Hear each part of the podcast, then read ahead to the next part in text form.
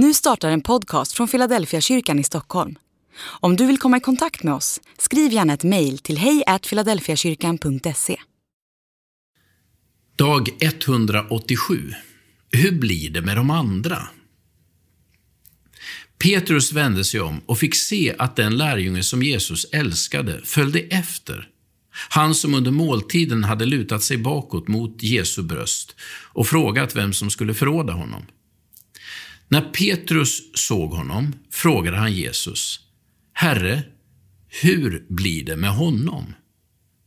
Jesus svarade, Om jag vill att han ska bli kvar tills jag kommer, vad rör det dig? Du ska följa mig. Johannes kapitel 21, vers 20-22. Det är så skönt att läsa om lärjungarna och upptäcka att de är som alla andra. Jesus har just antytt att Petrus kommer att avsluta sitt liv som martyr. Om jag hade fått samma information som Petrus hade jag nog dragit mig undan ett tag och försökt smälta budskapet. Och jag gissar att det var precis vad Petrus också var på väg att göra. Men så dyker Johannes upp och då kan inte Petrus bärga sig, utan han vänder sig till Jesus och frågar, hur blir det med honom? Känner du igen dig? Vi är ju så nyfikna på alla andra och hur det ska gå för dem. Och varför är det annorlunda i deras liv jämfört med våra? Varför får han och inte jag?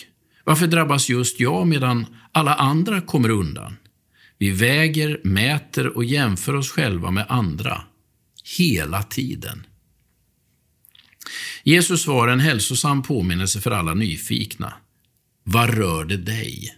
Du ska följa mig.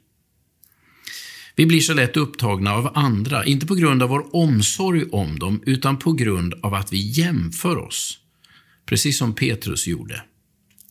Han har just fått veta vad som gäller honom själv och nu vill han jämföra med Johannes.